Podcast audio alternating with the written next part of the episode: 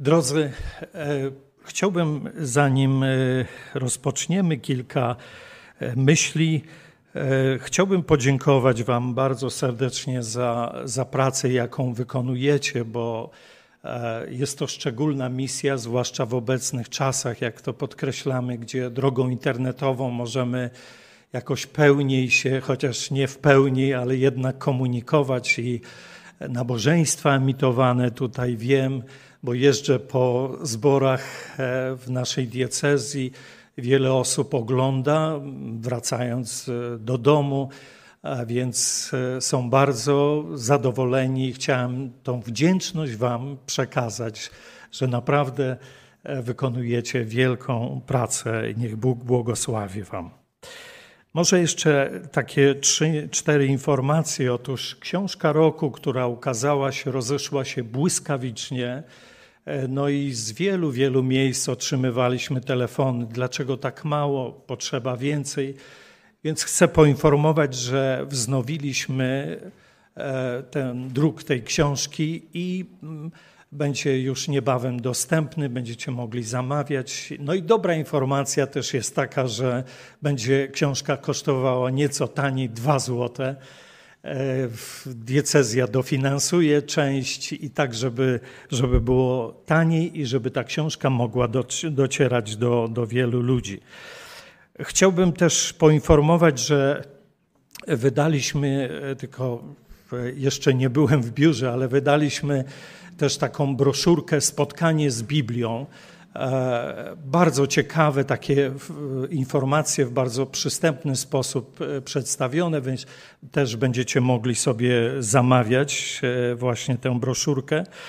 Chcę także powiedzieć, że niebawem będziemy mieli wykłady Marka Finleya, coś tak troszeczkę podobne jak net w latach 90. No i oczywiście ono, ten program będzie emitowany w internecie, dotyczyć będzie Księgi Apokalipsy.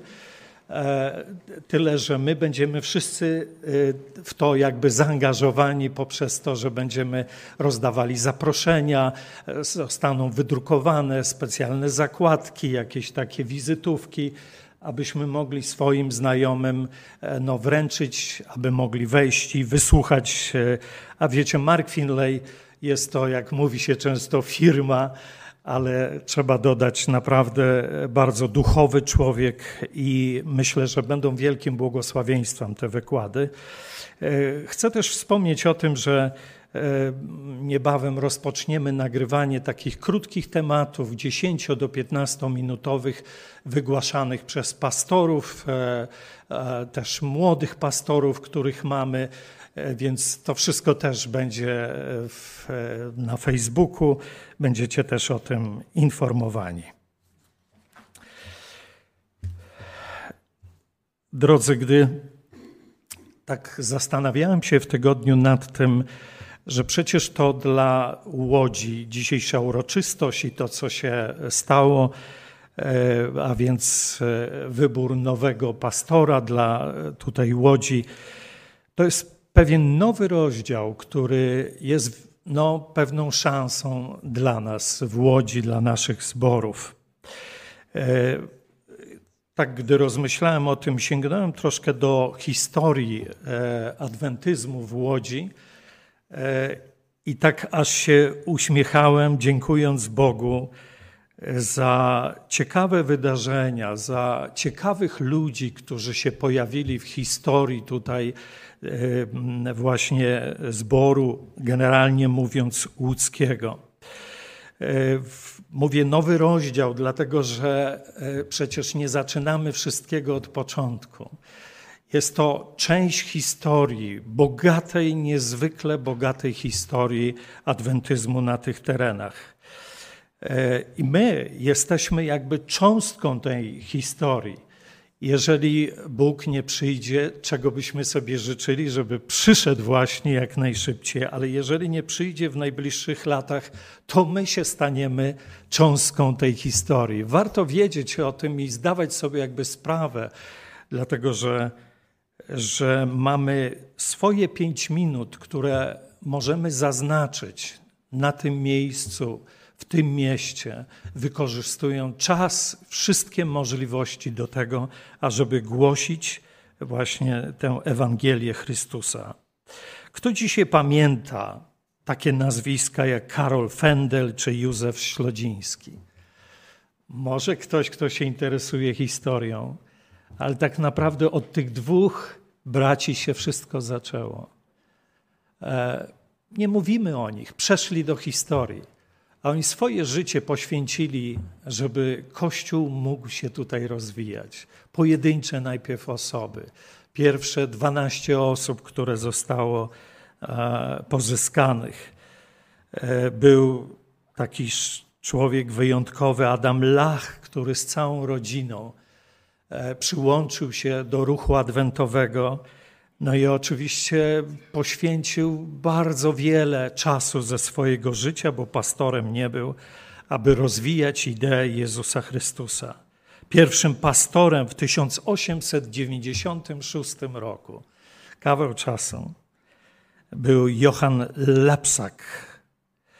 E, następnie drugim pastorem już w 1901 roku był Dawid Goethe. Jakoś tam to się czyta. E, byli też inni bracia. Warto wiedzieć, że wtedy, kiedy oni zaczynali pracę, to wyobraźcie sobie 80% ludzi nie umiało czytać ani pisać. Jak dotrzeć do tych ludzi? No nie z ulotką, bo nie przeczytają. Więc tylko komunikując się oczywiście wprost. E, wiecie, że w roku 1820, a więc tak niedawno, jak to się zaczął rozwijać adwentyzm, na terenie Łodzi mieszkało tylko 700 rodzin. 700 rodzin. Ale to oczywiście w błyskawicznym czasie zaczęło wzrastać, bo po 50 latach już było 72 tysiące i potem to już szło dalej w setki. Był taki pastor gdy przerzuca, przerzucałem strony, o którym warto wspomnieć, Teodor Will, który no, poświęcił swoje życie właśnie w tej służbie. Pierwszy zjazd okręgowy, jaki odbył się w Łodzi w 1906 roku, e, wiecie jak długo trwał? Nie tylko przez sobotnie nabożeństwo, ale trwał 7 dni. Wyobrażacie sobie siedem dni zjazd okręgowy. Ja jeszcze pamiętam i być może niektórzy też pamiętają, że, że już w piątki zaczynały się zjazdy okręgowe, e, kończyły się w niedzielę przed południem, ale siedem dni, jak bardzo chcieli być ze sobą wyznawcy.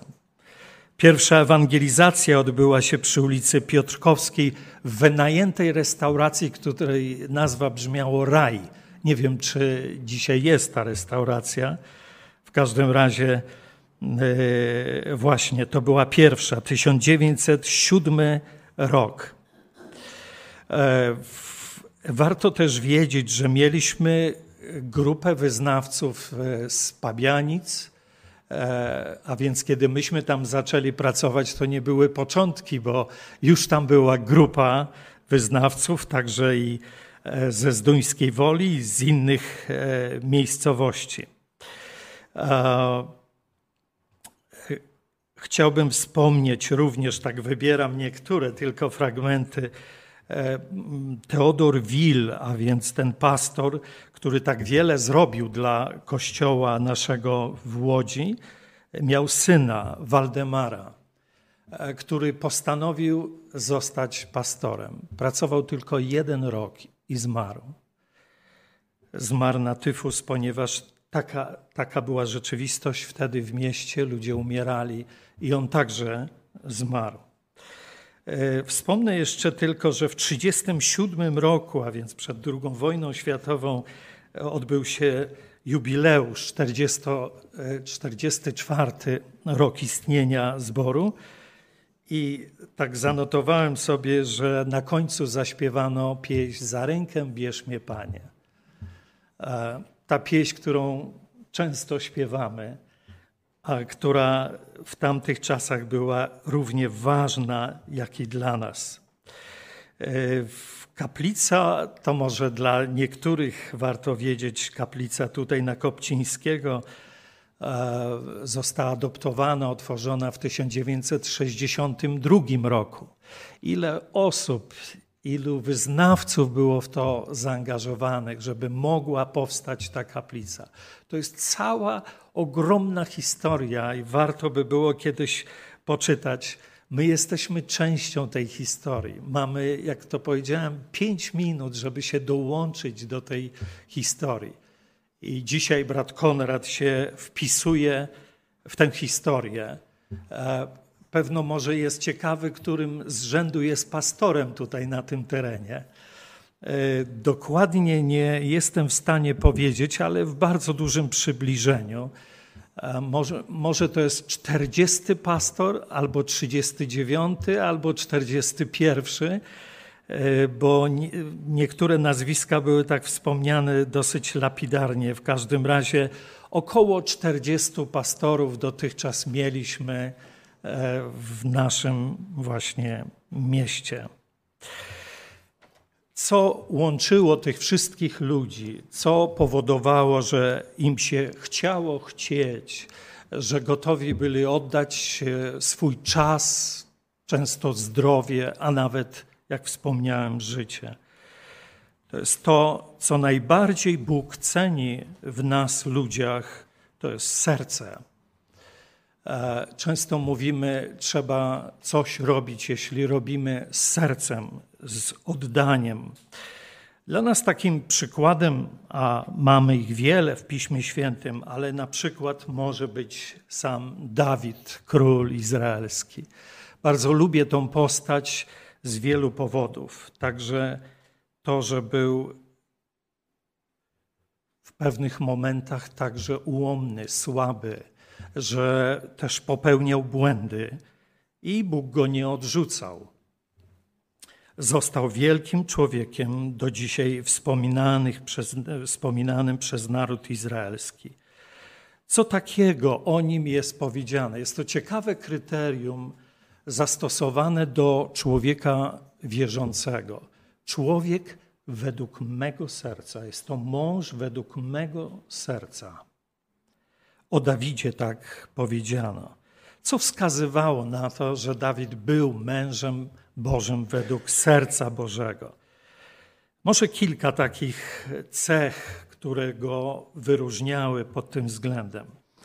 Był przede wszystkim wspaniałomyślny wobec swojego wroga, bo jak wiemy, Saul, król, e, który mm, e, no, w pewnym momencie pobłądził bardzo mocno, I tenże król zamierzał zabić Dawida, był bardzo zazdrosny o niego, robił wszystko, żeby go ścigać, znaleźć, prawda, i zabić. E, no, miał oznaki właśnie opętania, więc człowiek, który nie powinien stać na czele ludu Bożego, i ten człowiek e, za wszelką cenę chciał właśnie Dawida zabić. Czytamy, że gdy była taka sytuacja, że ten Saul właśnie w pościgu znalazł się, jak tam jest powiedziane, za potrzebą w jaskini, to Dawid był wraz ze swoimi żołnierzami. I ciekawa sytuacja, że ci jego kompani mówili: Masz jedyną okazję żeby zrzucić z tronu ten kłopot tego człowieka, który wyrządza szkodę. I możesz, masz taką szansę, żeby go zabić. A wiecie, no dzisiaj mówimy o zabijaniu. W tamtych czasach było to jak stryknięcie, można było zabić. Taka była też mentalność, kultura tych ludzi. Trudno nam dzisiaj pewne rzeczy nawet zrozumieć. A więc jak gdyby zdetronizować go, to go po prostu zabić. To byłoby e, najlepsze rozwiązanie dla Izraela, dla przyszłości. Zwłaszcza, że Dawid wtedy już miał świadomość, że on został naznaczony na tego, który ma zostać królem. I znając tę historię, wiemy, że Dawid powiedział: Jak ja bym miał, śmiał podnieść rękę na tego, który został błogosławiony przez samego Boga. Można się zadumać nad tym, że ludzie, rzeczy, a nawet pewne sprzęty, jeżeli zostały przeznaczone do pewnej posługi świętej, zasługują na szacunek jakby z tej racji chociażby, że Bóg je błogosławił. I dlatego Dawid nie wyobrażał sobie, że jego wprawdzie wróg, ale on nie śmie zrobić mu najmniejszej krzywdy. Nawet wtedy, gdy obciął ten kawałek płaszcza, miał wyrzuty, że, że nawet to zrobił. Miał okazję, nie wykorzystał jej. Kiedy dowiedział się, i to jest kolejna rzecz, kiedy dowiedział się, że Saul zginął w potyczce, kiedy sługa przyniósł mu tę wieść, to być może na jego miejscu wielu by się ucieszyło i powiedziało: No to się kłopot sam rozwiązał. Zginął, ja nie musiałem, ja nie przyłożyłem do tego ręki. Dobrze, że to się już zakończyło. Szkoda człowieka, ale dobrze, że kłopot się skończył. Dawid, który nazwany jest mężem według serca Bożego, rozdarł swoje szaty i powiedział, dlaczego, innymi słowy, czemu on zginął. Tak? Ułożył pewne pieśni żałobne. I to jest też ciekawe, że w tych pieśniach podkreślał te dobre strony i cechy Saula, który był jego wrogiem. I śpiewał i rozpaczał, że mąż Boży Saul zginął. Żeby być dzieckiem według serca Bożego, trzeba mieć takie serce, jak miał Dawid. Czytamy dalej, że Dawid był tym, który zawsze szukał rady Bożej. O tym możemy przeczytać w drugiej księdze Samuela, piąty rozdział, 17, 19 wiersz. Warto przeczytać tę historię ponownie o Dawidzie. Kolejna rzecz, która wyróżniała tego człowieka, to to, że umiał czekać na spełnienie obietnic. On miał zaledwie był bardzo młody, kilkanaście lat, gdy został wybrany, namaszczony na następcę Saula, na króla. I wyobraźcie sobie, że aż 37 lat czekał na spełnienie tej obietnicy, że zostanie królem. Czasami ktoś może dreptać i chcieć na przykład zająć jakieś stanowisko takie czy inne. E, często się zdarza tak, że nagle w kościele czy w zborze przy okazji wyborów następuje pewne ożywienie, takie energetyczne. E, wszyscy nagle zaczynają się interesować tym, co się dzieje w kościele. Może ktoś nawet oczekiwać tego, że chce określoną funkcję, a czasami jest tak, że się zaproponuje, ale ktoś nie przyjmie jej, ale sam fakt, że zaproponowano mu, już go satysfakcjonuje. I tak to nieraz jest w naszym życiu. Jest to wielka lekcja dla nas. Dawid, który idealnym człowiekiem nie był, ale o nim Bóg wypowiedział, że jest to człowiek według mego serca. Umiał się też cieszyć, spontanicznie cieszyć. Może dlatego, że był muzykiem, bardziej był w związku z tym emocjonalny, ale chciałbym, żebyśmy to, znacie tę historię, ale spróbujmy ją odczytać.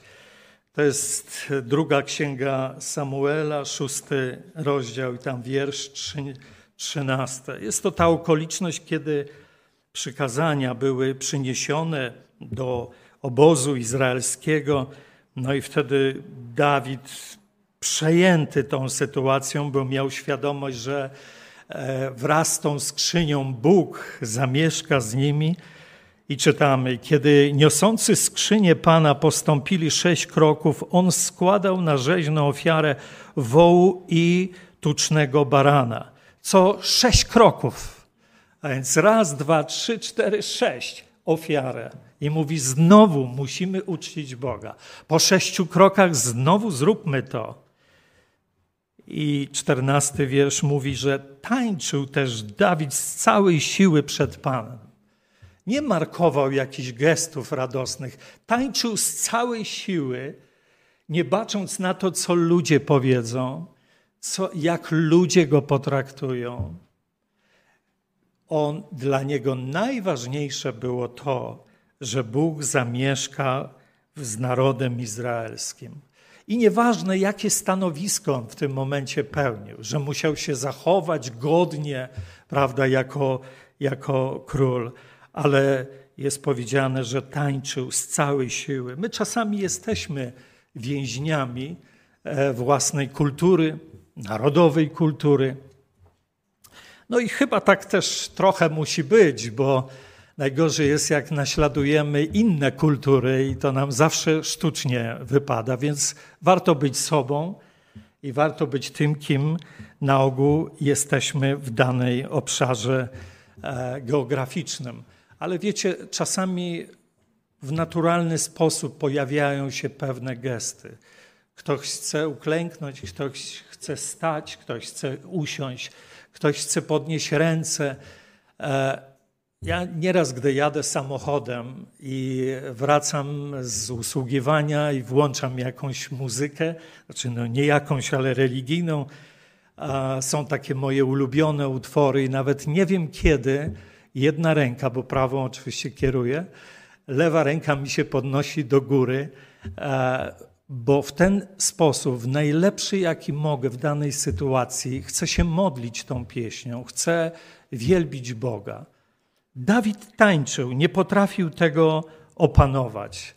Kiedy Bóg przygląda się takim reakcjom pod warunkiem, że one nie są wyreżyserowane, że nie są e, naśladownictwem nikogo, ale są czymś naturalnym, On się cieszy, gdy tak reagujemy na wszystko, co z Nim związane. Dawid nazwany był mężem według serca Bożego. Popatrzmy na inne zachowanie e, Dawida, które jest zapisane w siódmym, zaraz obok rozdziale. I zaczął się zastanawiać nad e, tym, jak on mieszka, a jak mieszka, że tak powiem, skrzynia przymierza Bożego. Że król do Natana, czyli do proroka. Patrz, ja mieszkam w domu z drzewa cedrowego, a skrzynia Boża jest pomieszczona w środku namiotu. Wtedy Natan odpowiedział królowi: Wszystko, co masz w swoim sercu, uczyń, gdyż Pan jest z tobą. Król miał problem z tym, że on mieszka w bardzo dobrych warunkach.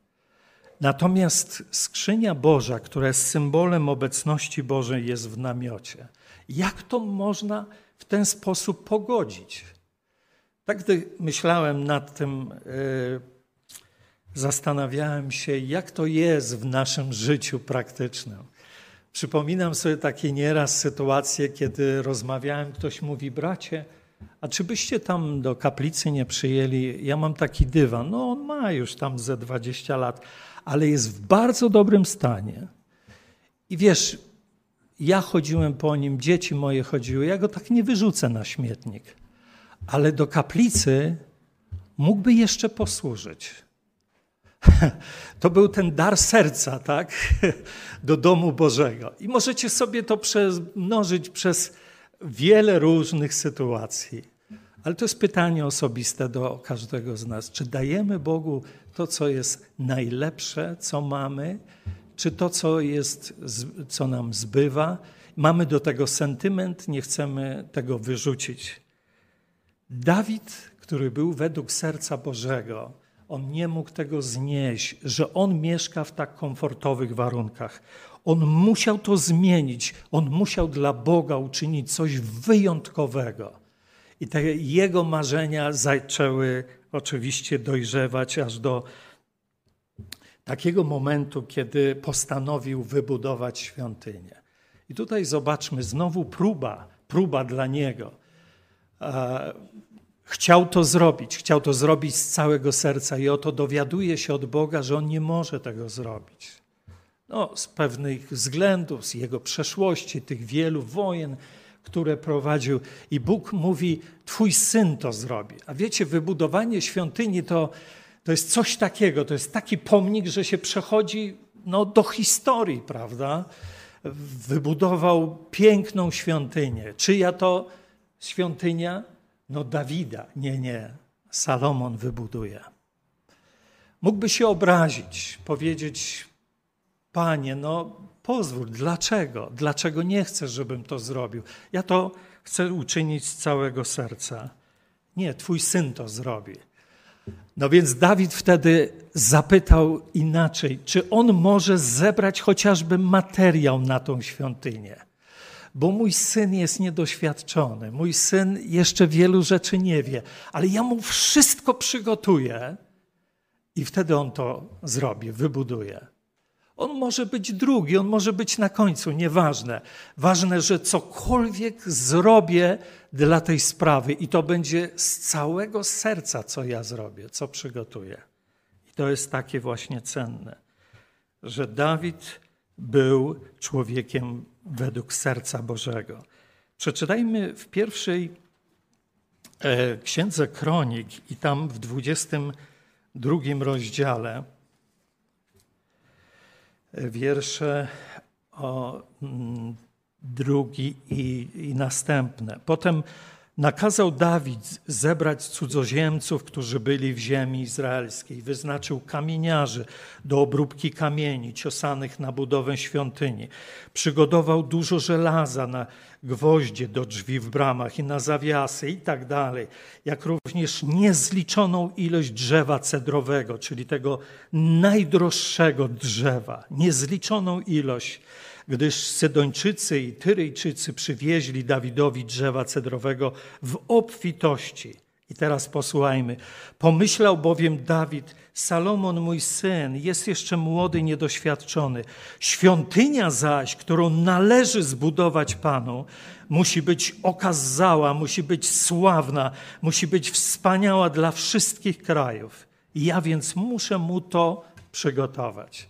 Takie były wyobrażenia Dawida o tym, co chciał e, ofiarować Bogu. Musi być sławna, najlepsza, najpiękniejsza. Tak, gdy myślę o tym nowym rozdziale historii zborów łódzkich, może właśnie ten najpiękniejszy okres jest przed nami. Może właśnie teraz zbudujemy coś, co będzie najpiękniejsze, najsławniejsze, tak, żeby wszyscy ludzie, cała łódź mogła o tym usłyszeć. To może się stać, jeżeli otworzymy swoje serce jeżeli będziemy wspierali, jeżeli będziemy starali się robić to, co najlepsze. Ekipa budowlana, którą Dawid przygotował, to kilkadziesiąt tysięcy ludzi. Sam chór, który miał śpiewać potem w tej świątyni, liczył około cztery tysiące śpiewaków. Wiecie, to, to nie jest jakiś skromny zespolik, tylko cztery tysiące ludzi. To ma zabrzmieć, dlatego że ten chór ma być ku czci Boga i cała ta świątynia i to wszystko. Dawid w swojej wyobraźni, w swoich marzeniach widział to wszystko i mówi: Ja to wszystko przygotuję. Dlaczego? Bo to będzie dla Boga. Być według serca Bożego to robić najlepsze rzeczy właśnie dla Boga. Ale popatrzcie jeszcze na jedną rzecz, bo łatwo się posługiwać rzeczami, które zawiadywać, które otrzymuje się od innych. Ale popatrzcie, co sam Dawid postanowił uczynić tak zupełnie od siebie. 29 rozdział pierwszej Księgi Kronik mówi tak, drugi wiersz. Według wszelkich moich możliwości przygotowałem dla świątyni Boga mojego złoto, na to, co ma być ze złota, srebro na to, co ze srebra, spisz na to, co ze spiżu, żelazo na to, co z żelaza. Trzeci wiersz. Ponadto, ponieważ upodobanie mam w domu mojego Boga, oddaję na rzecz świątyni Boga mojego to złoto i srebro, które jest moją osobistą własnością. I tam on wymienia trzy tysiące talentów złota, 7 tysięcy talentów srebra i tak dalej. A więc on nie tylko, że się posługuje rzeczami, które ludzie zgromadzili, ale od siebie mówi, a teraz to jest dar ode mnie i ja daję na ten cel to, to i to i tamto. Piękny przykład człowieka, który kochał Boga całym, całym sercem. Gdy mowa jest o Salomonie, jego synu, to popatrzmy, jakie rzeczy wszczepił Dawid w serce, umysł Salomona, kiedy on prosi już w tym słynnym wystąpieniu przy otwarciu e, właśnie świątyni, to on prosi, żeby o co, żeby Bóg sprowadzał różnych ludzi i żeby ci ludzie byli szczęśliwi w tym domu. A o siebie prosi najważniejsza rzecz, o którą ja proszę, to mądrość. Skoro mnie uczyniłeś królem, to daj mi mądrość. Czyli widać, jak Salomon został wychowany i o co tak naprawdę zabiegał, co było dla niego najważniejszą rzeczą. Kończąc, chciałbym, abyśmy koniecznie jeszcze uwagę skupili na 29 rozdziale e, mm, właśnie pierwszej księgi Kronik i tam od 13 e, wiersza. Więc teraz, Boże nasz, składamy Ci dzięki, wielbimy chwalebne imię Twoje. Lecz czymże ja jestem i czymże jest mój lud, że możemy ochotnie składać Tobie dary? Wszak od Ciebie pochodzi to wszystko i daliśmy tylko to, co z Twojej ręki pochodzi. Nie ma tam żadnej dumy, nie ma żadnego egoizmu, że to ja daję, tak? Żeby na wszelki wypadek, żeby inni wiedzieli, że to ja daję. Właściwie myśmy to wszystko oddali, e, otrzymali od Ciebie. Chcemy to niejako zwrócić z wdzięczności, to co tylko możliwe ku Twojej chwale. I wreszcie na koniec, w 17 rozdziale pierwszej księgi Kronik, Dawid mówi o sobie. I tam od 16 wiersza. Wtedy poszedł król Dawid, usiadł przed Panem i rzekł: Kimże ja jestem, Panie Boże, i czym mój dom, że mnie przywiodłeś aż dotąd? Lecz mało tego jeszcze, byłem w oczach Twoich, Boże, więc dałeś domowi Twego sługi obietnicę na daleką przyszłość, dałeś mu oglądać przyszłe pokolenia ludzkie. Cóż wtedy ma ci jeszcze Dawid do powiedzenia? Za taką chwałę Twego sługi, wszak Ty znasz swego sługę. I dwudziesty wiersz. Panie, nie ma takiego jak Ty i nie ma Boga oprócz Ciebie. To jak deklaracja, to jest jak ślubowanie. I drodzy, gdy rozpoczynamy ten nowy rozdział historii zboru w Łodzi, to śmiem jeszcze raz wrócić do tej myśli, że może to wszystko, co najlepsze jest przed nami. E, I może Bóg spowodować wielkie, wielkie rzeczy. I cieszymy się, że tak młody człowiek jak Konrad będzie służył, bo trzeba dużo energii, trzeba takiej szalonej energii, spontanicznej radości, wszelkich umiejętności.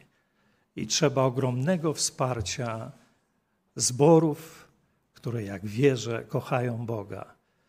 Chcemy prosić Boga o to, żeby błogosławił nasze zbory, żeby rozwijał je i żeby o nas wszystkich mógł kiedyś powiedzieć: Łódź, a znam, wiem, to są ludzie według mojego serca. Amen.